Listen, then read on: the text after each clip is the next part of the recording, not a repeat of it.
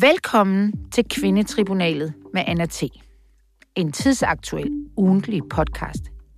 Jeg er tribunalet sammen med en anden kvindelig gæst over for en enkelt mandlig. Kvindetribunalet dømmer hårdt, men altid retfærdigt.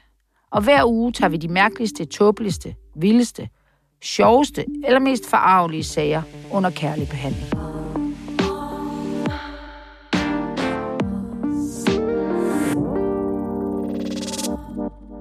Velkommen til Henrik Portrup, chefredaktør på Ekstrabladet, og Camilla Sø, medlem af Venstre og PA konsulent. Jeg vil have dig til at være politiker, men det vil du bare medlem af Venstre. Det, det kræver, man er valgt. Ja, det er rigtigt. Ja. Jeg synes bare, at folk, der er medlem af partier, er sådan lidt politikeragtige.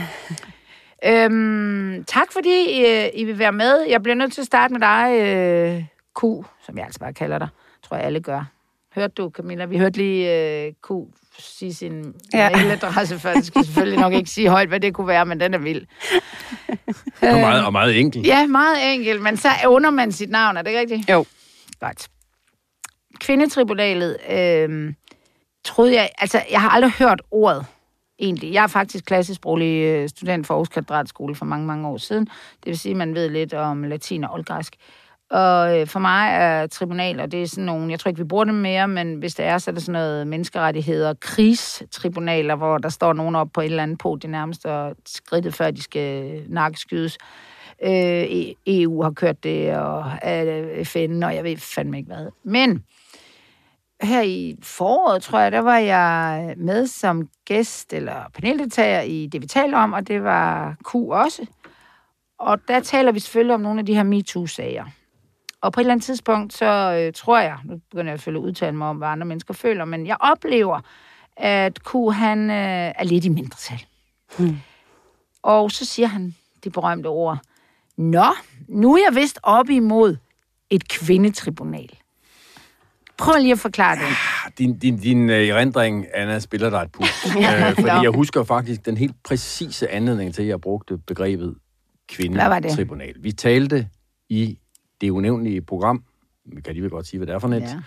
Uh, lægger sådan en biblyd ind, eller ja, hvad?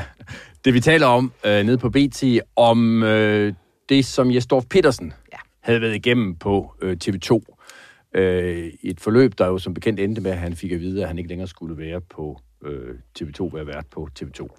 Øh, og der prøvede jeg, så godt jeg nu kunne, at sætte mig ind i, hvordan har Jes Dorf, hvordan havde han det i det forløb?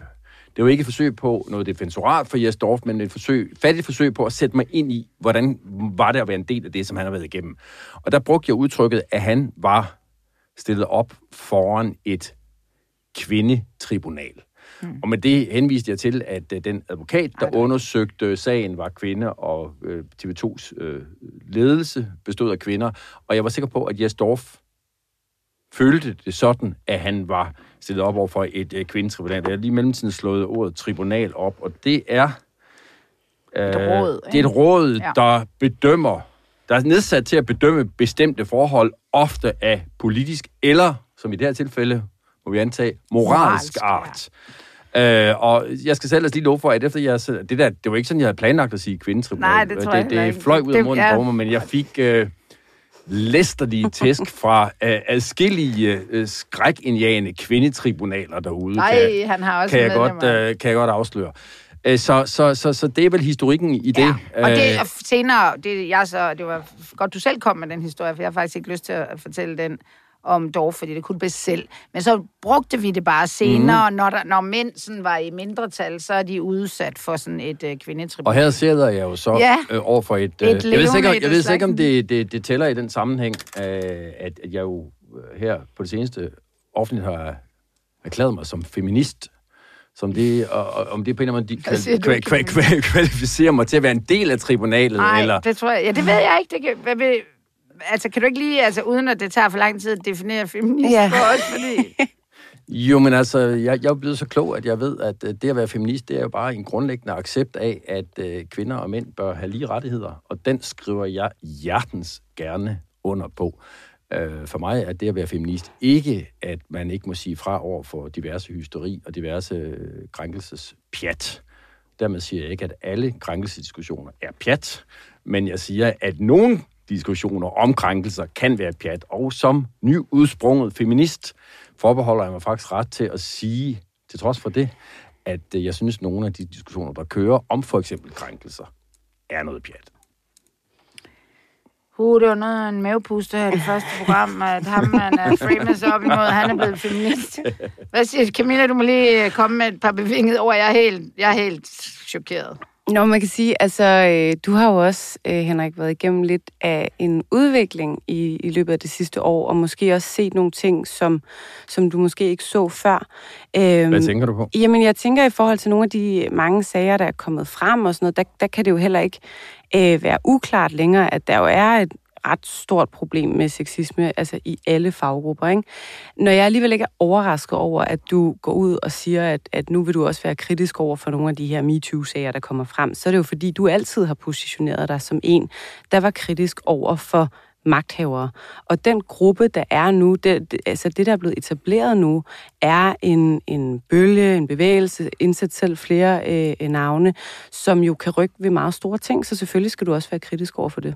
Men, men, men ja, jeg kan skrive under på det hele, fordi det er fuldstændig rigtigt, når, når, når jeg instinktivt også ja. i min egenskab af journalist føler et behov for at gå lidt kontra på den her mm. diskussion, på alt det, der startede med Sofie Linde, så er det fordi, at det er jo helt rigtigt, hvad du siger, Camilla, at det er blevet en ekstrem magtfaktor. Mm. Og så synes jeg, at det bør ligge øh, helt dybt i enhver øh, godt, rigtig tænkende journalist, at så skal man se, er der en anden side af medaljen her? Og, og det, jeg, jeg betragter det i virkeligheden som en selvfølgelighed at se sådan på tingene, altså, øh, fordi man kan jo sagtens øh, have det grundlæggende synspunkt, at vi vil ikke have sexkrænkelser, vi vil ikke have øh, skævheder mellem kønnene, vi, vi vil ikke have overgreb. MeToo er en rigtig øh, bevægelse, men Mm. Der skal altså også en gang imellem også lige være nogen, der ser på, er, der, er, det, er tingene gået for vidt? Og, og jeg synes ikke, der er en modsætning mellem de ting, og det er derfor, jeg også høj og klar røst, og, og faktisk ikke som provokation, men fordi jeg mener det, gerne erklære mig som feminist. Og jeg mm. ved, det vil give i nogen derude, men, men, men, men det må så give i den, fordi, som sagt, jeg ser ikke nogen modsættelse. Nej, nej, men der, der er da helt klart, øh, altså, det er da også derfor, det her snit over den her podcast er, er øh, både med glemt i øjet og, og, og, og, ja, og også for at lægge et, et lidt sjovt, et lidt anderledes snit ind over nogle af de ting, vi ser på, men vi kan da ikke, altså jeg tror ikke, vi kommer til at sidde og, og, øh, og lægge, altså vi skal tale om øh, minkskandalen bagefter. Jeg kan simpelthen ikke rigtig øh, hive et feministisk snit ned over den. Jeg, orker, jeg gider faktisk ikke engang. Men det, det du siger er, at, at, at de uger, hvor det måtte være vanskeligt for dig at finde en kvindelig ja. medvært, der er jeg ikke selvskrevet som substitut, til trods Præcis. for, at jeg har kaldt mig feminist. Præcis. Øh, nej, men det, det jeg synes, der sådan, altså, uden, hvis jeg absolut skal ind i, i det der feministrum, så, så øh, hørte jeg sådan en, øh, en TED-talk for noget tid siden med en, med en mandlig øh, øh, sociolog, der underviste i øh, sådan noget gender haløjsa på et amerikansk universitet, og det har han så åbenbart gjort i 40 år. Og han var sgu meget cool, for han siger, at han har en kollega, der, en kvindelig kollega, der underviser i akkurat det samme, og de skiftes lidt, og så er de sådan gæsteunderviser på hinandens øh, fag der. Det er det samme, de underviser i. Og der havde han fundet ud af for mange år siden, at øh, når, hun, når der blev talt feminisme, feminisme, og han udtaler sig, eller øh, laver en lektor i det, så opfatter de studerende ham som objektiv. Hvor de opfatter kvinden, den kvindelige underviser, som biased, fordi hun jo er kvinde, og derfor... Og det, der kunne være lidt sjovt at lægge ned over det her program, hvis vi ellers kan en gang imellem, det er, at nu tager vi det kvindelige som værende objektiv, og det mandlige som være biased, fordi du er mand. Hvis vi kan, det kunne, vi prøver på det, og jeg tror, vi skal øve os det på synes det. Jeg en, det synes jeg er en interessant øvelse. Ja, fordi det, det, er, jo, det er jo mærkeligt, at en, en, og jeg tror endda, hvis du skal være helt neutral og objektiv, så skal du være lige præcis det, som Henrik Kvartrup er.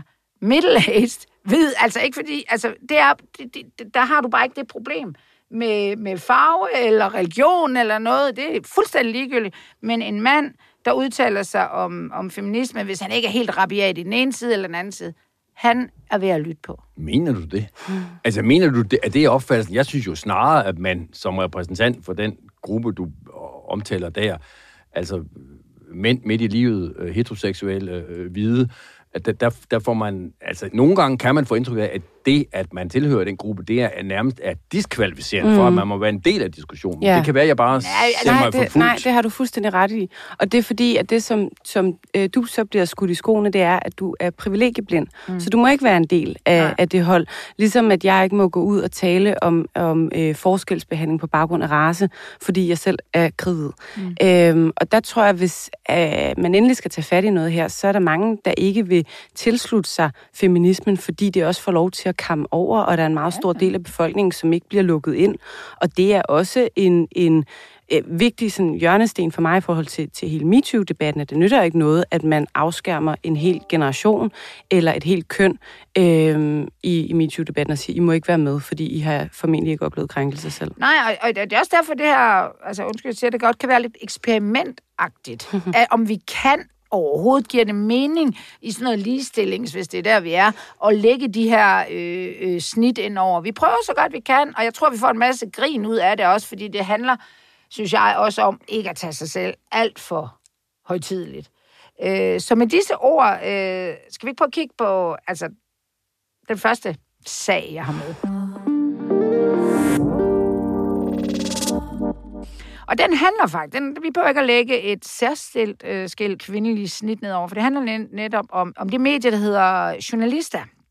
Øh, kendt for øh, Lars Bjørknes, der ligesom er nærmest, jeg ved ikke, om han er ene ejer, det er i hvert fald ham, der, øh, der, der står i spidsen for det.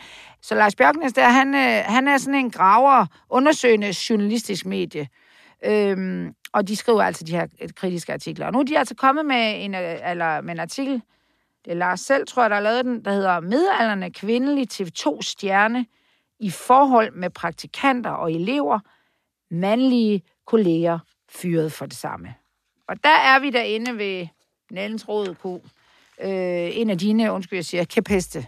Mm, jamen, jeg ved ikke, om det er en kæphest, men jeg læste den der historie med interesse. Ja. Øh, og, og jeg synes ikke, de skal diskvalificere den, at det er journalister, der har lavet den. Nej, fordi nej. det er journalister, rammer rent en gang imellem, og en gang imellem rammer de meget ja, ja. ved siden af.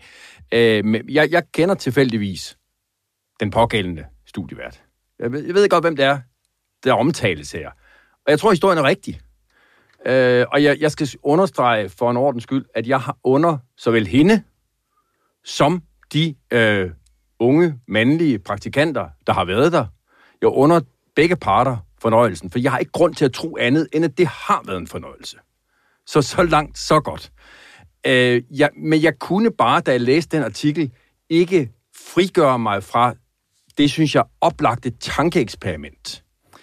Hvordan ville man frame en mandlig studievært, der havde samme historik som den pågældende kvindelige studievært? En mandlig studievært, der hver eneste gang, der kom et hold nye praktikanter, cherrypickede øh, dem, som han helst ville i kanen med, og så gennemførte det til alles tilfredshed, vil man ikke, det er mit, min påstand, vil, vil det ikke ligge meget lige for at beskrive ham som en gammel gris, der udnyttede sin overlegenhed kvæg den status, han havde som studievært, mens det ikke er den samme fortælling, vi lægger ned under det andet forløb, som vi nu øh, kan læse om i, på journalister, og som jeg tror, har alt mulig grund til at tro er rigtigt, er det ikke en anden fortælling, Øhm, og jeg er faktisk blevet bestyrket i, at det er det, for når man læser diverse, for den her sag har jeg også været omtalt på øh, sociale medier, og der kan jeg se kvinder, som siger, jo jo, hvad er problemet her? Mm. Det er jeg for så vidt enig i. Ja. Takes two to tango. Mm. Men der, hvor jeg synes, der kommer en logisk brist ind, er, at jeg oplever ikke den samme argumentation for de felten, når forbryderen i, med mange gåsøjne omkring er mand. Eller er det bare mig, der siger spøgelser? Mm, jeg jeg tror, du snubler lidt nogle steder, øh, og jeg vil gerne forklare dig, hvor. Altså for det første, så er den her historie jo ikke baseret på øh, nogen former for vidnesbyrd. Altså hverken nogen, der står frem med navn, eller nogen, som er anonyme. Øhm, og for at der overhovedet skal være tale om en krænkelsessag, i mine øjne, så skal der jo være nogen, der føler sig som ofre for den her krænkelse. Så der er vi jo fuldstændig enige. Altså, det virker som om, at det er til alles fornøjelse, og det skal begge parter jo bare have lov til. Øhm, med mit kendskab til, hvor svært det kan være at løfte nogle af de her MeToo-historier i sådan i hvert fald blandt de journalister, som tager det her seriøst og, og lægger et langt tidsstykke arbejde i det, øhm, så, øh, så tror jeg, at den her vil være svær at løfte netop fordi, at der ikke er nogen, som har følt sig krænket og i hvert fald stået frem med det. Og det er også det, der gør, at det er svært at kalde vedkommende for en krænker, fordi der er ikke noget, der tyder på, at hun har øh, misbrugt sin magt. Det kan godt være, at der er nogen, der har den oplevelse, øh, og så skal det jo selvfølgelig frem og have øh, de samme former for konsekvenser for kvinder, som det har for mænd.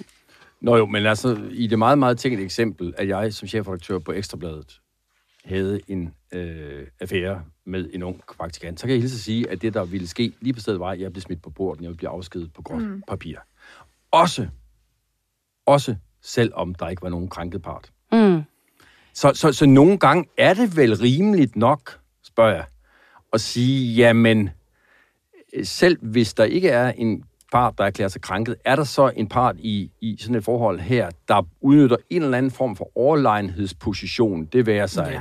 som vært, eller som magt, eller hvad, eller hvad det nu er. Ja. Og, og, og når jeg overhovedet går ind på det, så er det fordi, jeg har noteret mig, at det faktisk er et argument, der føres i felten, når det handler om mænd, der bruger deres magt, eller deres position, eller deres anseelse Men. til at opnå og Mm. Øh, Men sådan nu, nogle fordele her. Nu, nu står der jo her i artiklen, at øh, den her midalderne kvindelige TV2-stjerne, der er åbenbart i forhold med praktikanter og elever, mandlige kolleger fyret for det samme. Hvor, hvor, altså, at, at er det din opfattelse? Altså, det har jeg ikke hørt om, at man er, Nej, altså, er fyret det, jeg, på TV2. Jeg, jeg, jeg siger ikke... Men der anerkender jeg jo Camilles pointe, ja. fordi det, det, det, der vel går jeg ud fra hentydet til her, det er øh, Jes Dorf. Det, ja, det er, står jo i artiklen. Det er Jens, han er, han det er, det, det er ja. Jens Gårdbo. Og mm. der er det da rigtigt, at der er der nogle kvinder, som i dag erklære sig som krænkede. Mm. At der så gik ganske mange år før, de kvinder fandt ud af, at de var krænkede, er en anden historie, som jeg ikke skal polemisere imod, men det er jo, det er jo, det er jo et faktum. Øh, og at der er nogle omstændigheder, som hvor nogle af kvinderne har sagt, der skete det og det, og jeg står for sagt, der skete ikke det og det. Men, men jeg anerkender, at der er nogle omstændigheder omkring de forhold, som, hvor i hvert fald den ene side forklarer noget, som ligger ud over det, som vi så kan forstå, der er en kvindelig studievært, der også har været en del i. Så, så, så jeg, jeg mener heller ikke, at tingene kan sammenlignes mm. en til en, men jeg kan godt forstå, at der er nogen, der sidder med en fornemmelse af, at der er bare et sæt af dobbeltstandarder her. Ja, ja. men det, uh, det skuer bare en lille smule ørerne øh, på mig, Henrik, når du siger, at de fandt ud af, at de var krænket. Det, som er fællesnævneren for mange af de sager, der kommer frem mange år efter, det er, at man finder ud af, at man ikke er alene.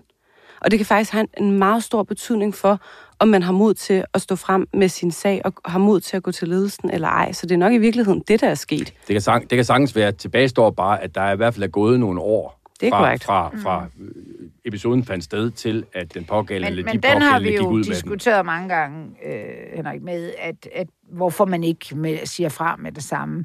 Men, og, og en af de øh, årsager, og der, jeg ved ikke, om jeg er enig med dig, det er vel så i forhold til, at den kultur, der har været på, øh, på øh, hvad hedder det, på TV2, har været, altså jeg lyder som sådan en psykolog eller sådan noget, men usund. Og det øh, er det, og det har jeg da også hørt om, at det ikke kun var mandlige chefer eller stjerner, eller hvad man kalder dem, der tog for sig af retterne. Og på den note, synes jeg, altså det er jo lige, øh, altså uanset om, om, om alle har det godt, i, i, og det er rent fornøjeligt, så tænker jeg måske, at man som stjerne eller leder eller studievært skal tænke sig lidt om, når mm. man øh, gør det her. Og, i, og som du selv siger, den går ikke i dag i Ekstrabladet. Jeg, jeg, nu har du, så længe har du heller ikke været her som chefredaktør, men jeg tænker godt, det du taler om, du kunne blive fyret for i dag, det kunne du godt have sluppet afsted med for 10-15 år siden herinde også.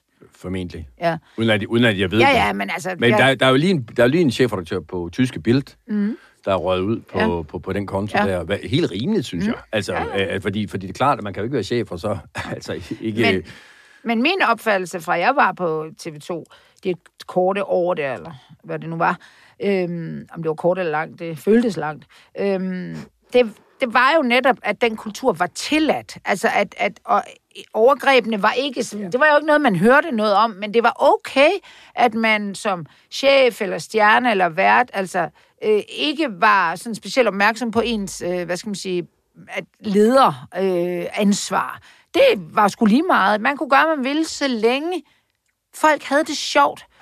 Øh, og det, det, Men der det tror synes jeg, jeg du, fandme var vildt. Anna, der tror jeg så også, du har forklaringen på, hvorfor der i dag sidder nogle mænd på TV2, eller tidligere mm. mandlige ansatte på TV2, mm. og sidder dybt rystet tilbage, ja. fordi de havde jo i ganske mange år oplevelsen af, at det var fint nok. Fordi det var netop accepteret. Mm. Og i, nu prøvede jeg, da, da vi snakkede om i, i indledningen af udsendelsen, hvorfor jeg brugte udtrykket tribunal, der prøvede jeg så godt jeg nu kunne at sætte mig ind i hovedet på Jesdorf Petersen. Og mm. jeg vil da godt kunne forstå, lad mig så gå så langt, at når han læser den her historie, så, vil, så, så skulle han da være et, et, et, et nærmest overgodt menneske, hvis han ikke tænkte, hvorfor, mm, hvorfor gik det ikke for mig, når det gik for hende?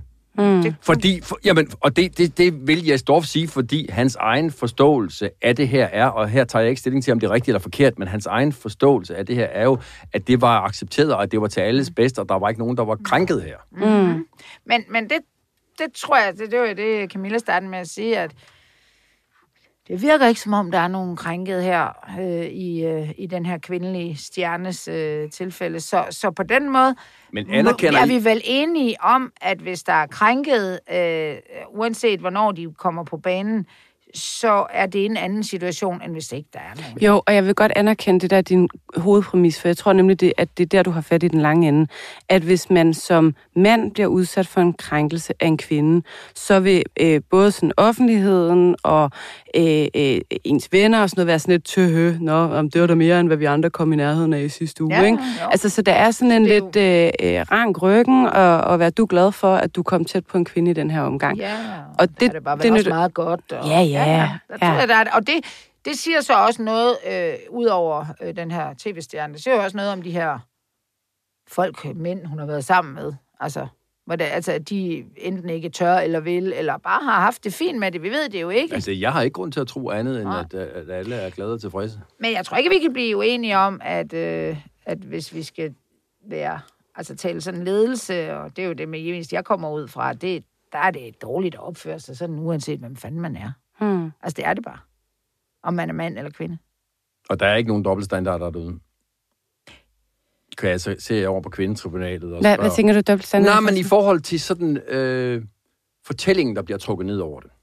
Altså det her med, at manden er den, en, en, en tilsvarende mand i samme position som den pågældende studievært her, er en gammel gris, og kvinden er bare en Frigjort, en, og- en, ja. frigjort og som, som, Ja. som kan få klap på skuldrene Jo. af veninderne og sige, Jo, det er fandme godt gået, det, det, der. tror jeg og, sgu altså, nok, der Jo, er. helt klart. Altså, det er vi ikke-. Jo, og vi det er har, og det er faktisk også en, en af altså, en ret interessant perspektiv, at vi har forskellige forventninger til de, nu siger jeg to overordnede forskellige køn, så, så forstår jeg godt, hvor jeg er, ikke?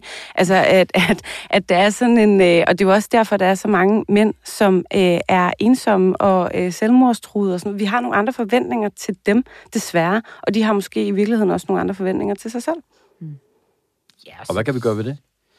Nu, altså, jeg synes jo, altså, uden at vi skal hæve os op på øh, den pitstaden her, så taler vi da om det. Altså, og vi, vi, den her artikel, altså, jeg tror, der er mange, der altså, ligesom gået uden om den, også kvinder, fordi det er sådan lidt ubehageligt, og, og måske erkende, at der er selvfølgelig også kvinder, der, der om ikke andet udnytter deres magt, så i hvert fald... Øh, Ja, fordi ting- tror I ikke, der sidder mange kvinder, der så måske øh, ikke rigtig ved, hvorfor ben de skal stå på her, der, der, der med sig selv godt ved, at hvis det havde handlet om mandlig studievært, så havde, så havde øh, den pavlovske re, øh, reaktion været gammel gris. Han udnytter sin, sin, sin, sin, sin, sin, sit overherredømme, mens man ikke tænker på det på samme måde, når det nu handler om kvindelig studievært. Tror I ikke, at, at, at eller hvad? Altså, jeg, jeg har til gode at se øh, artikler, der, undskyld, jeg siger det, hænger en eller anden mandlig chef eller stjerne ud for bare at have været sammen med nogen, med, hvor det var fornøjeligt, og så er han blevet hængt ud mm. som en gammel gris. Ja, jeg siger ikke, at det ikke foregår i kroner, og man sidder og tænker, hold da kæft, ham der er ved at der nødig øh, masses op i et hjørne af, men, øh, men, men, men ude i, i, i organisationerne, altså, tror jeg da nok, den er der. Øh, og det er jo også det, der er øh, problemet. Øh, øh, jeg fik for eksempel her for, øh, for en måned eller to måneder siden, så fik jeg tilsendt et, et foto af, af Jes Dorf, der, øh, der er til en eller anden reception.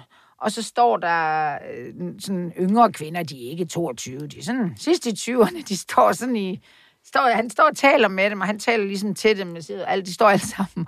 Og så er der en, der sender det der, jeg ved ikke hvem, altså, jeg ved godt, hvem det er, ikke en, jeg kender, men det var bare sådan, hvor der, hvor der, hvor der står sådan noget, kvinderne er der endnu, eller hvad man skal sige, ikke? Altså, hvor jeg også tænker, hvad, hvad skal kvinder gøre? Skal de aldrig gå hen til en mand, og må, må man ikke tale? Altså, der er mange, der er virkelig mange problemer i det her, som skal i tale sættes eller ikke, ikke. Jo, og så må vi også huske, at vi har jo ikke tradition for den type historier, som er blevet taget med her. Vi har jo ikke tradition for at gå ind og blande os i, som offentlighed og som presse, og gå ind og blande os i, hvem der knaller med hvem.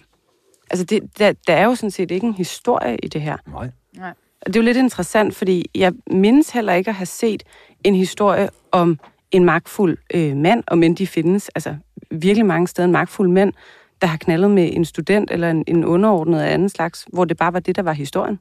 Nej, det ved jeg da ikke. Dyrby, Hvor- blev han ikke, eller gik han selv? Hvad var historien? Var det ikke noget med en eller anden i Køge? Altså, der var der ikke nogen, øh, det var der ikke en medarbejder eller noget. Jeg, ved, jeg tænkte dengang, hvad fanden, og hun, der er noget der også at blive, at hende der dame med fotolæg, at hun var, at hun lavede, hvad hedder sådan noget, når man, læ- øh, hvad fanden hedder det? Ja, hæ- hævnporno. Hævnporno, ja. Hvor, jeg- og jeg var bare sådan, nå, det var fandme også noget værre noget, sådan noget mand skred og kæmpe ballade, og var han fyret, eller var han ikke fyret? Jeg var sådan, hvad rager det egentlig? Jeg husker det, jeg ved ikke om du, der var der en del sådan journalisttyper, der var sådan sige, hvad er det for noget snærperi, vi har gang i her, ikke? Så det var vel en sag, hvor, hvor man sådan tænkte, hvad fanden, har de ikke begge to? Altså hun er godt nok blevet sur over et eller andet, så hun Mm. har sendt de der billeder, men det, det virker da ikke som om, hun var tvunget ned i en kælder. Nu kan jeg tage fejl, øh, men det skulle undre mig, hvis affæren, som Dyrby havde med den pågældende kvinde, var den eneste grund til, at han måtte forlade TV2. Ah, okay.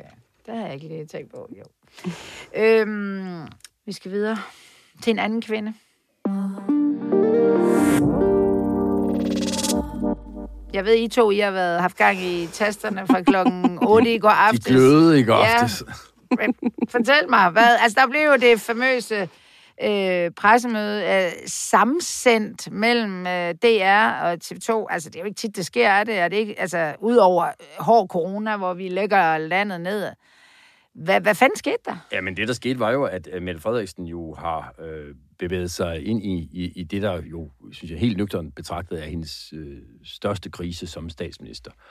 Øh, og har så vurderet efter et par forkølede forsøg hen over ugen på at sige, at det var bare teknikalitet og alt det der med de der sms'er, der var forsvundet, og hun kunne i øvrigt ikke svare på nogle spørgsmål. Så gribe til den øh, metode, som hun faktisk havde så stort held med under hele coronaforløbet, nemlig at holde et presmøde i bedste sendetid, velvidende, at hun selvfølgelig øh, sådan, øh, umiddelbart bare talte til de journalister, der var til stede, men reelt talte hen over hovedet på dem og ud til de mange danskere, som hun vidste ville sidde og lytte på det. Og det er jo en, øh, det er en metode, der har hjulpet hende meget og har været succesfuld for hende gennem øh, hele coronaforløbet. Min vurdering er imidlertid, at øh, den øh, fest sluttede i går aftes, mm. fordi hun kom der er selvfølgelig nogle die-hard-tilhængere derude, der synes, at uanset hvad med det gør, så er det fremragende. Øh, Nogle af fra støttepartierne blandt andet også. jo, jo, men, men, men, men, men altså, jeg, jeg, min sådan, så kan man bruge den til, hvad man vil, men, men, men men min sådan helt nøgterne vurdering af det, der skete i går aftes, var, at det slap hun umanerligt skidt fra. Hvad siger du, øh, Camilla? Du har jo et lille V på, v på, på brystet. Ja. Men øh, Jamen, jeg bortset vil- fra det. Øhm, jamen, jeg vil egentlig gerne altså også starte et andet sted, fordi at øh, det, der jo sker nu i Socialdemokratiet, synes jeg er ret interessant, fordi de har, de har egentlig haft vind i sejlene i meget, meget lang tid. Ikke? Og hun har været utrolig populær, og øh, nærmest uanset hvilke restriktioner de fik indført, og hvilke bummer, der, der blev lavet undervejs, så lå de egentlig lunt i svinget. Og det, der sker nu, er jo, at der kommer et dyk i målingerne, og hvis man har prøvet at sidde og lave øh, politiske øh, kampagnearbejde, så ved man, at der har været en fuldstændig klappet og klar plan for, hvor Mette Frederiksen skulle være, hvornår. Og den plan skrider jo nu. Så de har brugt en hel uge på, på en eller anden måde, at få afskærmet hende. Fordi hvis hun dukker op på en eller anden folkeskole, så gider Brian Weikart ikke at snakke om skolepolitik. Han gider kun at snakke om mink og slettede sms'er. Så mm. det påvirker jo virkelig Socialdemokratiet. Og jeg kan godt huske, hvordan det var at dele flyers ud for Venstre lige efter 3GI-krisen. Det er ikke sjovt, fordi det eneste vælgerne gider snakke om, det er Lars og hans øh, underbukser. Ikke? Mm. Øhm, så nej, jeg synes ikke, hun slap særlig godt fra det. Og, øhm, og det er fordi, at hun virker jo tydeligt irriteret over at blive konfronteret med det her. Hun bruger nogle argumenter, som er fortærsklet efterhånden, og, og, og bruger sådan folkesundhed som overordnet øh, argument, og i øvrigt den samme strategi, som Inger Støjberg gør med barnebrudene, at hun prøver at få det til at handle om noget andet. Og det her, det handler jo om lovbrud, øh, og hvorvidt man har forsøgt at øh, gøre det vanskeligere for en grænsningskommission at komme til bunds i det her. Ligesom det for Inger Støjberg også handlede om, hvorvidt hun har udstedt en ordre, som øh, var ulovlig. Ikke? Altså, når jeg sådan hører det og, og har læst både kommentarer og også en udskrift af det, altså hvis man nu ikke har noget at skjule, så gør hun jo alt det forkerte. Altså, hun, hun gør jo, altså hun, hele pressemødet er jo en stor iscenesættelse af at tale udenom, og, og, og, og hun, hun bruger jo sådan nogle floskler, altså, hvad skulle motivet ja. være for det Jeg her? kan godt komme i tanke om to-tre altså, rigtig fuldstænd... gode motiver. Ja, ja.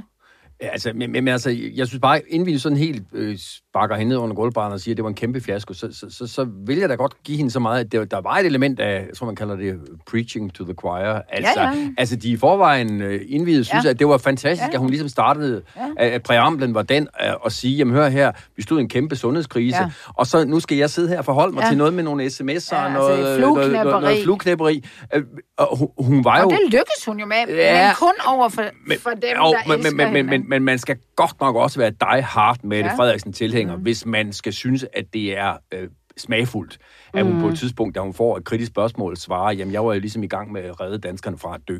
Det var fordi vi Eller andre steder. var i gang med at redde danskernes liv. Ja. ja. Det var det, hun sagde. Ja, ja. hun er og, tilbage i Bergamo-billeder. Altså, det er jo fuldstændig... Altså, jeg, jeg, i den leder, jeg har skrevet i Ekstrabladet i dag, så, så, så, så, så skriver, hvor jeg, jeg skriver, at hun med den udtalelse slår alt og alle på ulækkerhedsfaktoren. Mm. Og det mener jeg faktisk. Altså, jeg, jeg synes, der, der, der, der gik hun low. Yeah. Altså ved at, at forsøge at få det framet sådan, at hvis man interesserer sig for, om en regering har, øh, har overtrådt loven, om de har bortskaffet, øh, om de har bortskaffet bevismateriale, så er man i virkeligheden en, der ikke under den regering at redde danskerne fra at dø. Så er man som statsminister mm. rimeligt langt ude, efter mm. mine begreber. Ja, ja men det er et, et, et så ellers dør baby-argument, ikke? Ja. Og der blev stillet rigtig mange gode spørgsmål i går, men tilbage står stadigvæk spørgsmålet om, hvorfor Mogens Jensen skulle ofres. Hvis de har gjort tingene så fint, som de selv gerne vil have det, Hvorfor skulle Mogens Jensen så ofres? Jamen, det, det kommer der jo nærmest svar på, altså, at det er strategien mm. at, at holde statsminister, altså frede hende, og så tage tæskene længere nede. Det er Barbara Bertelsen vel et øh, glimrende eksempel på de sms'er, der bliver sendt. For eksempel så siger hun vel også i pressemødet, at der bliver talt hårdt og sådan noget. Jeg er bare sådan, hvorfor, hvor, altså, I er jo på samme hold, I er derinde. Altså, hvor, hvorfor har I behov for at tale så hårdt til hinanden? Altså, hvis I er ude og redde Danmark, så, så, er, I vel, øh, så er I vel klar over, at øh, det, det, vi gør sådan her. Og jeg synes simpelthen, altså nu jeg ved godt, jeg selv er fra, ud, altså fra, fra landbruget, og måske har en lidt større, jeg ved ikke, om jeg har stor veneration for mængden, men de har en, de ved, at mange danskere synes, øh, minkbranchen at vil skide på den. Altså, det er der mm. da Altså, de har ikke noget forhold til den, og den er lille, og dyrplageri, og hvad, hvad, hvad, dyr, alt muligt lort. Men selvfølgelig, hvis man er ved at nedlægge et helt erhverv, så ved man jo godt, om man skal, altså man skal virkelig have styr på, om der er lovhjem til det eller ej. Den der måde, man sådan spiller dum, hvad, hvad, hvad, er det troværdigt overhovedet, eller subjektive svar er nej. Jeg synes, det fremstod meget øh, ja. utroværdigt, og jeg synes, Mette Frederiksen er ret god, når, når tingene går hendes vej, men hun, det er ikke særlig kønt, når hun, ja. har, når, når hun er modvind, og hun kommer til at fremstå sådan... Øh, vred, øh, mm. selvmedlidende, selvretfærdig. Og, og, og, og, Men også arrogant, fordi ja, hun ligesom ja, joker og lidt. Og, og på et tidspunkt, der, der må man altså ligesom forstå, at det er synd for hende og embedsmændene, ja, at, at, at, at, at, vi skal vi overhovedet interessere os for, om ja. de har begået fejl. Mm. Undskyld mig. Mm. At det er landets statsminister. Ja, men, og, og, og, og vi men tager, det er jo det spin, hun har, har gang ja, i. Og, og, det... og det, har, det har et publikum derude. Ja. Øh, men men, men min, jeg er meget enig med Camilla. Altså, der, der er sket et eller andet mm. fra, da hun kunne gå på vandet. Og uanset mm. hvad, hvad der skete, så var det bare, når jamen, det er den sorte pest, der venter lige om hjørnet. Til nu, hvor vi alle sammen har erkendt, jo jo, det kan godt være, at det er håndteret meget fornuftigt i Danmark, men det var ikke den sorte pest. Nej. Øh, og, og, og, og, og, og den der besværgelse om folkesundheden, og vi redder jer for at dø, den, den, den virker i bedste fald lidt naiv hos nogen, og jeg tror i værste fald direkte patetisk hos, hos, hos rigtig mange, når hun kommer med den. Altså, hvor, hvor jeg tror, at rigtig mange, bor, igen, bortset fra dig, har tilhængerne, siger, er det virkelig det bedste defensorat, hun har? Mm. Ja, ja. Ja, og så det, altså det, jeg synes er næsten er mest patetisk, det er den strategi, de kører fra Socialdemokratiet de her dage, hvor det får det til at handle om de borgerlige og om Venstre.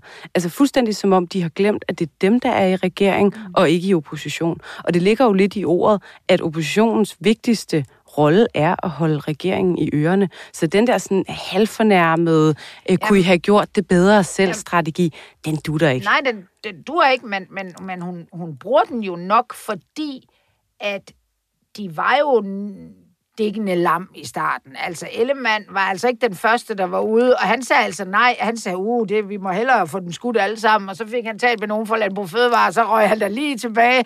Nej, nej, nu stopper det her. Så det, de, Jamen altså, Elle, prøvede... det er jo fuldstændig rigtigt. Ellemann var jo ja. kun en hårdsbredde fra, ja, og, og i den ja, ja. stået som medskyldig ja, i det der. og det er jo det, hun udnytter, og siger, ja, ja, altså, I, I tøvede jo også selv, og nu er det os, der har ansvaret, hvad vi selv har gjort, hvilket jo er et tåbeligt retorisk spørgsmål, fordi de kunne ikke gøre noget men hun...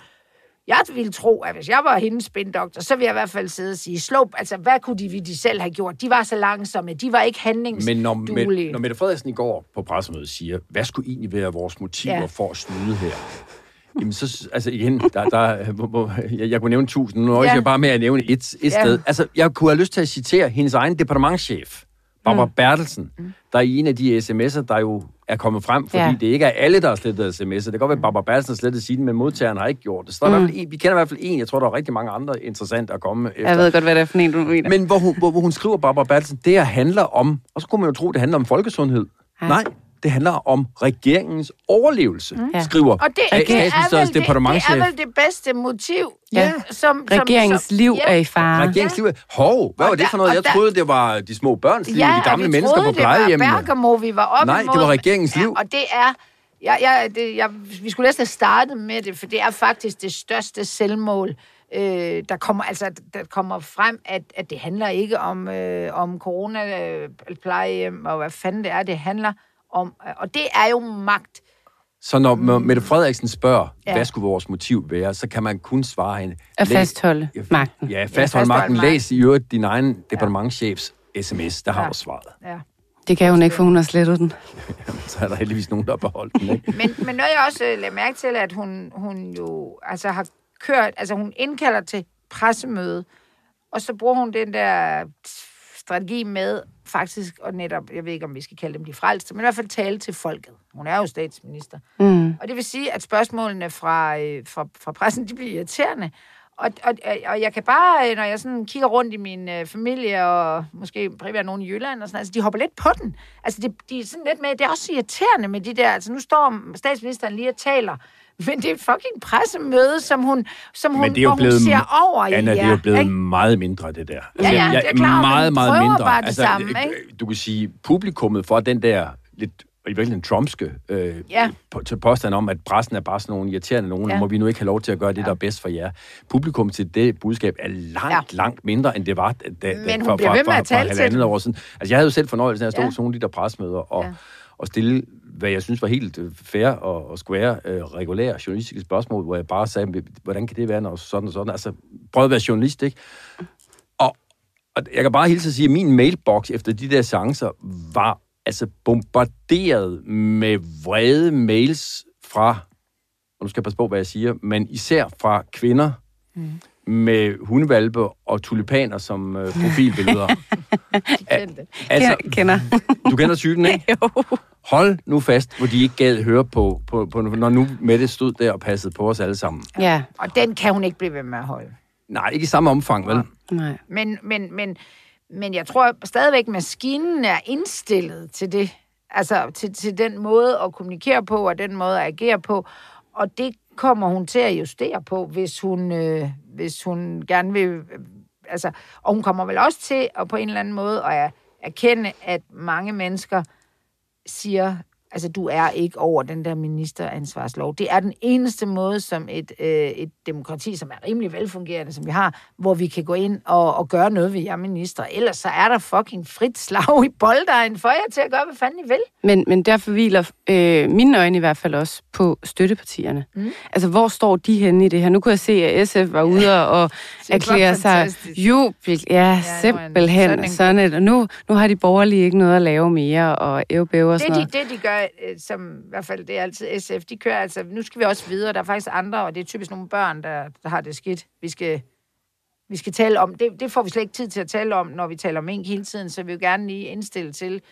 Jeg kunne forstå, hvis de brugte kommunalvalget, det gør de ikke engang. Men der er faktisk andre sager i det her samfund, der er mere vigtige, end at stå og tale om det her. Noget af det mest, øh, synes jeg, øh, øjenåbnende øh, i går aftes, det var at læse Pelle Dragsted, altså enhedslistens Pelle Dragsteds øh, tweets. Fordi, Nå, okay, hvad, hvad, Nå, men de gik jo meget på, at Mette Frederiksen jo havde ret i, at det var en stor og vigtig sag. Og, og, og det, det er et argument, jeg sådan set øh, godt kunne forvente komme mange steder fra, men lige præcis fra en, en mm. politiker, der om nogen har slået sig op som værende principielt tænkende, ja. nemlig mm. som, øh, og jeg synes, Pelle Dragsted på lange strækninger er en rigtig dygtig politiker. Ja. Men, men altså her formår end ikke han og, og ligesom skille skæg for sig og snot for sig. Altså der er en mand, der helt tydeligt ikke kan frigøre sig fra, at de der, det der minkerhverv, Mm. Det synes han er røvirriterende. Og, jo, ja. og, hvor var, og hvor var det egentlig ja. meget godt, at det blev fjernet fra jordens overflade. Og så er det sådan lidt vanskeligere, det der med principperne. Ikke? Fuldstændig. Og, og det er jo det samme, man ser fra, fra store dele af Dansk Folkeparti i forhold til Inger Støjberg ja, og, og barnebrudene. Altså, da, jeg kender ikke en eneste, som tænker, unge piger, der bliver gift med meget gamle mænd, det er skide fedt. Nej. Altså, der er jo ikke nogen, der synes, at barnebrudkonstellationen er i orden. Men, men altså, når man har en lovgivning, som sikrer, at man ikke må lyve for Folketinget, så skal den altså håndhæves. Ikke? Fordi ellers så skal man bare lige huske, at når så magten skifter, og der er nogle andre, der udøver den, og de måske ikke sympatiserer med de sager, du måtte have, så gælder de samme regler for dem, og det er det, folk glemmer. Og det, og det var jo en ren Inger Støjberg, som Mette Frederiksen forsøgte at spille i går. Fuldstændig. Det her handler ikke om, om sms'er, det handler om, øh, vil I dø, vil I dø af corona, vil I ikke dø af corona? Hun siger, jeg var i gang med at redde Danmark. Det er altså også fucking Batwoman. Vi har, altså, redde, redde liv. Ja, altså det er redde så danskernes liv, det er jo det, hun sagde. Men er der ikke sket et skred i det her? Altså, jeg kan huske øh, for, for mange år, eller for nogle år siden, ham der, hvad hedder han, Esben Lunde Larsen, som miljøminister, der var et eller andet man, vandmiljølov, hvor det var spillet venstre, så det kan, der var nogle landmænd, der skulle hjælpes her. Og der var en eller anden forsker, han var i noget debat med, som var ligesom formand for alle forskere. Altså han var ligesom øh, talsmand for det, alle i det her vandmiljø. Og han siger, at øh, hvis det her bliver gennemført, så er, sker der som, altså det er 40 procent af det her, det bliver meget mere forurenet. Mm. Så siger Esben Lunde Larsen, det er jeg ikke enig i. og det var, det var sådan første gang, hvor man tænkte, altså, altså hvor følelser eller politik overtrumfer øh, både forskning, og vi har det jo lidt med lov også. Jeg er simpelthen ikke enig i, at vi skulle have øh, lovhjelm, eller jeg er enig i, at der nok burde være lovhjelm, men der var en situation, der gjorde, at vi ikke behøvede det. Det var næsten det, hun siger, mm. i forhold til, at hun i hvert fald gør alle mulige krumspring for at, og, og, at sige, at de ikke kendte noget til det. Det er sgu da et skred, er det ikke? Jo. Altså, det kan være, at kvindetribunal her, der sidder overfor mig, kan huske, hvem det var, der sagde det. Men der var en folketingsmedlem, der engang på Klingen Jys sagde, hvis det er fakta, så, så benægter jeg fakta. ja. Og det er jo lidt, ja, øh, det, er jo lidt det, ikke? Jo, ja. og det er det samme, at hvis vi har, altså, hvis vi har en ministeransvarslov, så benægter jeg, at vi skal holde den. Eller, altså, det, det er gakkelak, ikke? Så øh, jeg, det er Søren Kær. Søren Kær? Ja, jeg kender ikke Søren Jeg troede, det var mere kendt på det. Der, ringer, der, ringer, der ringer ingen klokke. Jeg var lige ved at skubbe det, fordi hvad for, Rasmus, der er vores producer. Producer Rasmus, hvad for parti var han fra? Ja, det, det, det står der ikke engang. det var en politiker, der havde Søren Kjær. Det, men tænk engang, at blive, altså, hvis, hvis man bliver slået op, så, så, så, er det, så er man kendt for den sentens, hvis det er fakta, så benægter jeg fakta. Men den er så mere kendt end ham. Ja, og, og ved du hvad, det minder mig om uh, Stakkels Peter Sass. Er nogen, der kan huske ham? Nej. Nej. Socialdemokratisk folketingsmedlem, som mildest talt fristet en noget anonym tilværelse Var han i relation øh, til Henrik Sass? nej, nej, nej. nej. No. Peder, Peder, der, Peder Sass, han var... Men, men når jeg er helt sikker på, når jeg nu fortæller det her, så skal I huske, for det var det der program på DR2, der hed Indefra. Ja øh, hvor de to værter så går rundt med en stripper inde på Christiansborg. Nej, nej, nej, nej, nej, det ligger stadigvæk på YouTube, det klip. Ja, og det er helt for... Jeg kan kun anbefale alle at gå ind og se ja, det. Det, det, det, er, det, det er der, hvor han tager en body tequila ja, ja, ja, en strip. De kommer med en stripper derinde, og de har så en tequila med, og de har jo så forgæves forsøgt at få politikere til at springe på den der, og, og, og trods alt, altså godt nok ville politikere gerne i fjernsynet, og, og, og det er nogle år tilbage, og der var de måske endnu mere ivige efter det, og de fleste sagde jo fornuftigt nok, nej, ind til Peder Sass. Og der er et helt forrygende klip, hvor man simpelthen ser Peter Sass der, og at han, han er, altså, han, Peter Sass, han ligner sådan en, en bibliotekar. Han, ja. han kom fra Næstved. Han kunne meget vel være folkebibliotek, folkeskolebibliotekar i, ja. Næstved. Og pludselig står han der med en stripper og en body tequila, og så er det, han, han kigger op sådan fuldstændig, og hornbrillerne dukker, og han siger så, det er godt nok frækt, det her. Og, og, og, og, og bag i billedet kan man se en af tilrettelæggerne der fra indefra gå, gå rundt. Yes, yes, yes. Altså, de troede, Nå, men det, jeg sådan set bare vil frem til med den her historie, var, at hvem kan huske i dag Peter Sass for andet, ja. Ja. end at han dumpede lige i og fik en øh, ja. body tequila, ja. en stripper på Christiansborg. Nå, men altså, det sidste ord er vel ikke sagt. Øh, jeg tænker, at alle, I, du sidder på Twitter, du sidder, øh, I sidder på Ekstrabladet og venter, hvad der sker. Ja, vi går, vi går hurtigt ind den sag, fordi ja. vi synes, den er, den er ja. sindssygt vigtig, og der, der er jo altså, rigtig mange løse ender, altså blandt andet statsministeren siger, at hun ikke kender til øh, Messenger. Det er dog et mm. imponerende udsagn fra en kvinde, der øh, færdes på, på, på Facebook. Altså bare for at starte et sted. Mm. Øh, det her sletningen foregik af, af sikkerhedshensyn. Jamen, hvordan harmonerer det med, mm. at man i øvrigt lod gamle udtjente mobiler gå i arv blandt mm. øh, statsministeriets Men... medarbejdere? Øh, så, og så skal, vi, så skal vi altså også se nærmere på øh, power kvinden Barbara Bertelsen. Ja, altså, det, det, fordi der er... Det, er ny, det, er en, altså, det har vi jo heller aldrig oplevet før, en, øh, en embedsperson så, så markant, markant og så... Nej, det ved jeg ikke. Altså, vi havde jo Martin Rossen, der blev placeret ja, ja. både ja, ja, i økonomiudvalget det, det og, det, det er, og i koordinationsudvalget. Og, ikke? Det skulle jeg faktisk lige til at sige. Det er jo efterhånden en, en, øh, en, en, en tradition hos øh, Frederiksen, at hun har de der virkelig... Hans sms'er vil jeg jo også gerne ja, læse. dem gad, men de er også slettet, tror jeg. Jeg, jeg undrer mig, altså, jeg kan huske, da, da det kom frem her, at hun ligesom førte anden Bertelsen i den der øh, Hope is not a strategy. Jeg kan, altså den der sådan helt indætte... Øh, altså, hvor man tænker, okay, hvor interesseret er du i, i og, altså, hvor interesseret kan man være i at redde danskerne på det her tidspunkt, hvor der slet ikke var nogen mm. pandemi sådan rigtig opdaget, hvor man, hvor man her kan lade være med at tænke, at det handler om magt.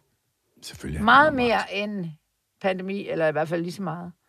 Ja, altså jeg vil sige, jeg, jeg tror sådan set, hun har været forudseende øh, nogle gange, hvor det har været meget, meget vigtigt. Altså fordi der kunne man jo se sådan en region som, som Bergamo i Italien, hvor de reagerede lige 14 dage for mm. langsomt, og hvordan det gik der, ikke? Så, øh, men, men det er klart, altså hun har været i det der i så mange år, så at, at hun har jo ikke været forberedt på, at der var nogen, der ville få indsigt i den omgangstone, de har derinde. Nej, og det synes jeg som, altså, er lidt mærkeligt, men jeg, jeg synes i det hele taget, at, at, at det der pandemien viser, det er, hvor, villige, hvor langt er vi villige til at gå til at lade, hvad skal man sige, dem, der har magten, også bare udøve den, uden al den, øh, undskyld, jeg siger, palaver og snakken og udvalg, altså, hvad, hvad, hvad, hvor langt, og der kan det godt være, at vi siger, at det var bare en gang med en pandemi, og vi var ved at dø alle sammen, altså ikke tror vi var, men hvor, er, er, rykker vi grænserne for, hvornår magthaverne egentlig bare kan sige, at vi gjorde det sgu, altså, og, og vi må tage slagene bagefter, det gør de så heller ikke. Men det er jeg, som jeg er jo sådan en meget synes jeg, demokratisk menneske. Jeg er ikke vild med det. Altså, det må vi skulle ordne på god, dramatisk, eller hvad hedder det, demokratisk vis. Men, så må det jo men, tage den tid, det tager. Men nu siger ja. du, tage slagene bagefter. Nej. Øh, og, og, og, der synes jeg også, en af, en af konklusionerne fra pressemødet i går aftes var, at det er Mette Frederiksen også meget utilbøjelig til at ville. Mm. Jeg synes, et af de der helt øh, vilde øjeblikker, øjeblikke i går var, da Mette Frederiksen er en journalist får stillet det der spørgsmål, som jo kun, synes jeg, kan besvares med, med et ja nemlig spørgsmålet, men det er vel til syvende og sidst dig, der har ansvaret. Men øh, i sidste ende er det vel dit ansvar, at arbejdet ikke blev gjort ordentligt med at sikre lovhjemmet? Som regeringsleder og som beslutningstræffer? Øh, nej, altså jeg mener, jeg mener ikke, man kan sige, hvis ikke jeg er blevet tilvejebragt en nødvendig oplysning, at jeg så har ansvaret for det. Og der svarer hun. Ja, nej. Øh, nej. Men nej, ikke rigtigt, faktisk. Hun svarer, øh, nej. Ja. Det er bare ordene.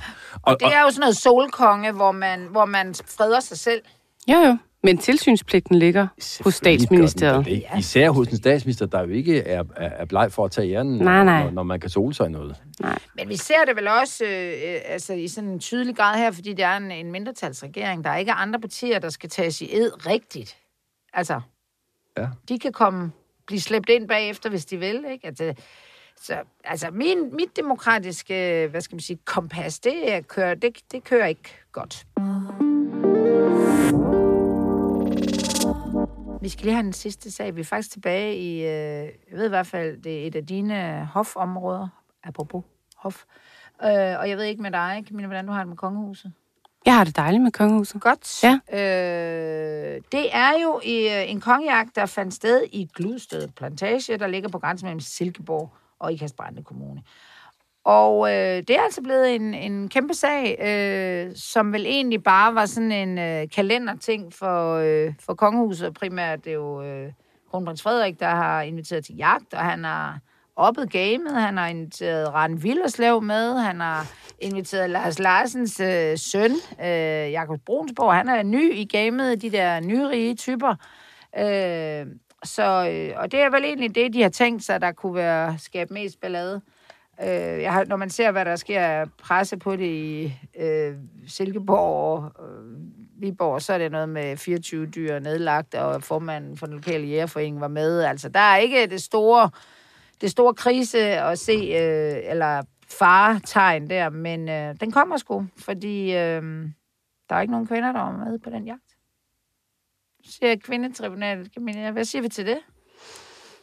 Men vil I tvinge mig ud i et forsvar for kongehuset, eller hvad er vi ude i? Nej. Det er da lige ved, du må ende med det, kan jeg høre. Nej, altså, Nej. Jeg, jeg synes også... Altså, når, når jeg hører om den der historie, så, så slår det mig igen. Hvorfor er det, at, at, at kronprinsen skal, skal, skal holde jagt med, med, med de der øh, toppen af dansk erhvervsliv? Altså, øh, min, min nye chefredaktør op på Ekstrabladet, chefredaktør kollega Knud Brix, er selv jæger. Han fortalte mig, at der er alene 10.000 kvindelige jæger i Danmark. Mm. Så der, altså, hvis, hvis kronprinsen jo endelig havde villet, så kunne han jo måske øh, godt øh, have fravedet et par stykker af de der fra toppen af poppen i dansk erhvervsliv, så inviteret på kvinder, men det synes der havde været et, et, et, et, et smukt signal, også for et kongehus, der i øvrigt taler om øh, vigtigheden af, af, af, af ligestilling, og der er jo noget, burde jo også være noget walk the talk der. Mm. Ikke at jeg mener, at en kongejagt er, er verdens vigtigste ting, øh, men, men, men hvis vi nu har den der juleleg, at vi skal have et kongehus, øh, så, så synes jeg, der at øh, så synes jeg, der er passende, at man kunne udleve de principper, man gerne markedsfører sig på, når man skal se, se så tidstypisk ud, udleve dem i det, man rent faktisk gør. Og her, herunder invitere nogle kvinder med på jagt, det ville være passende. Hvad, hvad, hvad, hvad skulle problemet være i det? Ja, det, det, jeg, altså, jeg er jo heller ikke, øh, altså på den måde, jeg synes jeg jo heller ikke, at det er, det er at kongehuset har en stor relevans. Så når de så endelig gør noget, og de, de har jo fattet, at det er noget med klima, det er noget med miljø, og det er noget med... Eksport. En, ja, og en eller anden form for... Måske har de også hørt om ordet wokeism, så derfor synes jeg egentlig også, det, det, det, det, det er lidt, de kan gøre. Men hvorfor, er, hvorfor er det kun rige mennesker, jamen, der skal med til de ja, der jagter? Jamen, det, det, det tror jeg det tror heller ikke, det er. Det er vel, men, men jeg tænker bare, at formanden for jagtforeningen ikke i Viborg behøver at være rig, Ej. men de fylder jo ingenting. De fylder jo ingenting. Nå, men det er der også, og det er jo derfor, at at den her øh, historie, eller hvad skal man sige, sag er ærgerlig for kongehuset, fordi vi begynder at kritisere alle mulige andre ting også. Men hvad har kongehuset selv sagt? Har de svaret på kritikken? Ja, de har faktisk svaret, og ja. det øh, kan man... Øh, det er faktisk lidt nyt. De går ikke ret tit ud og svarer på noget som helst. Øh, men øh, Balleby, hun siger, at øh, det er også en fejl. Okay. Det, og de vil i fremtiden, der vil de... Øh, Lene Balby er jo øh, kommunikationschef for kongehuset, og hun, øh, det er sjældent, hun udtaler sig, og man synes egentlig, det var en lille sag at udtale sig for. Man tænkte, de kunne have taget den af notam og tænkt, næste gang ind til at lige nogle kvinder. Men hun vil simpelthen gå ud og sige, at øh, ja, der kunne godt have været kvinder med, og det vil man bestræbe sig på næste gang. Så, øh, så det er en af de udvalgte sager, og det er vel fordi, at hvis det her kongehus øh, skal have nogle berettigelser og blive moderne, eller hvad man skal sige, så, så er de, føler de, det er nødvendigt at stemple ind i de her dagsordner. Ja, og, og, og, og jeg synes også, de vil stå sig ved at få sig frigjort for mistanken om, at dem, der er inviteret til, til jagter, det er dem, der kan, kan stikke kronprinseparet et øh, privatfly næste gang, de har behov for at komme øh, udenlands. Ja. Ikke? Altså, og sådan har, nu, så kan jeg lyde meget polemisk, jeg ved det godt, men hvis man ser på kongehuset, så, så vil man jo vide, at sådan nogle hensyn, altså når, når, når, når, når kronprinseparet skal det ene eller andet tredje sted hen, så kan de låne hytter af, af dem mm. og fly af ja. dem. Og, mm. og, og, og altså, jeg vil, da, jeg vil da foretrække at tro, at det slet ikke har nogen sammenhæng med, hvem der bliver inviteret til baller og til, til, til jagter, jeg ved ikke med, og det kan være, at jeg gør dem frygtelig uret, men jeg synes, at det vil være skønt, hvis kongehuset ville arbejde på at få den mistanke til ikke at klæbe så meget, som den måske kunne have gjort, eller har, har gjort. Ja, altså jeg synes også, de på en eller anden måde jo så udstiller, at det er sådan en, øh, at den her kongejagt, det kan da godt være, Billedbladet og øh, Se og Hør og Ekstrabladet får nogle gode billeder af nogle kendte, eller i hvert fald af kronprinsen, men at det er jo sådan et blik ind i sådan noget old boys network og rich people's uh, together. Ja, ja. Ikke? Og det, det er, det, det, de bliver jo også ekstremt sårbare, hvis de her uh, rich people, altså hvis de har problemer, så er de lige pludselig hængt op på dem. Og ja, der Og hvem er det, bare der lige er startet på Herlufsholm? Det er der også en af dem, der har. Ja, det er øh, Christian. Ja. Ikke? Altså, jo, jo, og det er vel... Altså, jeg, jeg ved bare, at, at den... De, de bevæger sig bare, synes jeg, på sådan en, at de bliver sådan lidt celebrity-agtige i stedet for det der kongehus. Og det er vel ikke... Øh, altså, så, jeg ved ikke, hvor interessant det er at høre, at hofjærmester Jørgen Skallerup fra Skallerup Gods, hvis der er noget, eller om Øpperslev øh, Klitplantage Gods, er interessant. Det er det nok ikke. Men de er jo mere hamløse for dem de der gamle adelige, fordi det er sådan deres fucking familie for Ja, ja. De her new rich people, eller i hvert fald, hvad skal de bruge den til? Andet end ventjenester? Nej, jeg ved ikke engang, hvor jeg skal starte. Altså, jeg vil øh, stort set til hver en tid øh, forsvare kongehuset. Men Simpelthen. hvad, hvad er det, Camilla? Er det noget... Men, men jeg, jeg vil til gengæld sige, altså, de har jo besluttet sig for øh, i mange henseender at følge med tiden. Ikke? Altså, vi har i, i hvert fald den ene af, af prinserne, øh, Joachims, der er den ældste, som er model, og som ikke færdiggjorde sin militæruddannelse, og det gjorde øh, Felix heller ikke. Øh, kongehus, Knap nok, de er startet på dem. jo, jo, de, de begyndte, men så droppede de Ja, faktisk ja. ud. Det er en stor historie også øh, hos Ekstrabladet. Øh, kongehuset er på Instagram. Altså, Nå, så, hvor, vildt. det vidste du godt. Ja, jo, Gør du jo, ikke men det? altså... hold Følger du dem? Altså, er det, nej, nej, det er de gud, jeg ikke gør. Okay. Øh, det har jeg folk til, han har sagt. Men, men, men, men, men altså, kan du ikke høre det selv, Camilla, når du ligesom skal anprise kongehuset? Det vildeste, du kan komme op med, det er, at de er på Instagram og følger med tiden. Og... Det var ikke det, jeg sagde. Jeg sagde i forhold til den her jagt og kønsfordelingen, så kan man jo godt argumentere for, at de ikke følger med tiden her, men de følger med tiden andet sted. Det er det, jeg hører. Uha, kvindetribunalet er helt off nu. Nej. Jamen, det, det, det, jeg synes, altså, jeg, jeg, jeg er bare, jeg er jo også sådan lidt fra Jylland, hvor jeg tænker, altså, jeg lige forestille mig, hvad de der øh, Viborg-typer jægerforeninger har sagt. Kvinder, hvad fanden skal vi med dem? Der er der ikke nogen. Altså, altså det, det, det, jeg tror fandme ikke engang, de har tænkt på det. Tror ikke, det er det. Altså, det er slet ikke i deres hoved at invitere nogen. Men, men, men jeg synes jo et eller andet sted hatten af for, at kongehuset Ja. øh, sadler om, Ja, ja. og ikke Ja. forsøger at argumentere en Og dårlig ikke, sag. ja, præcis, og, og klare den jo rigtig godt ved at sige, at det havde vi ikke lige gjort, men det gør vi næste gang. Ja. Så øh, nu kan vi i hvert fald her i Kvindetribunalet se frem med spænding til næste kongejagt. Øhm, tak, fordi I var med i første omgang af Kvindetribunalet. Tak for at invitere mig. Det var det, det hyggeligt. kan være, at øh, du kommer tilbage. Det kan være, at vi inviterer dig igen. Ikke, Camilla? Jo. Ja. Og tak, fordi du var med. Selv tak. Og øh, vi glædes til at høre os ved igen.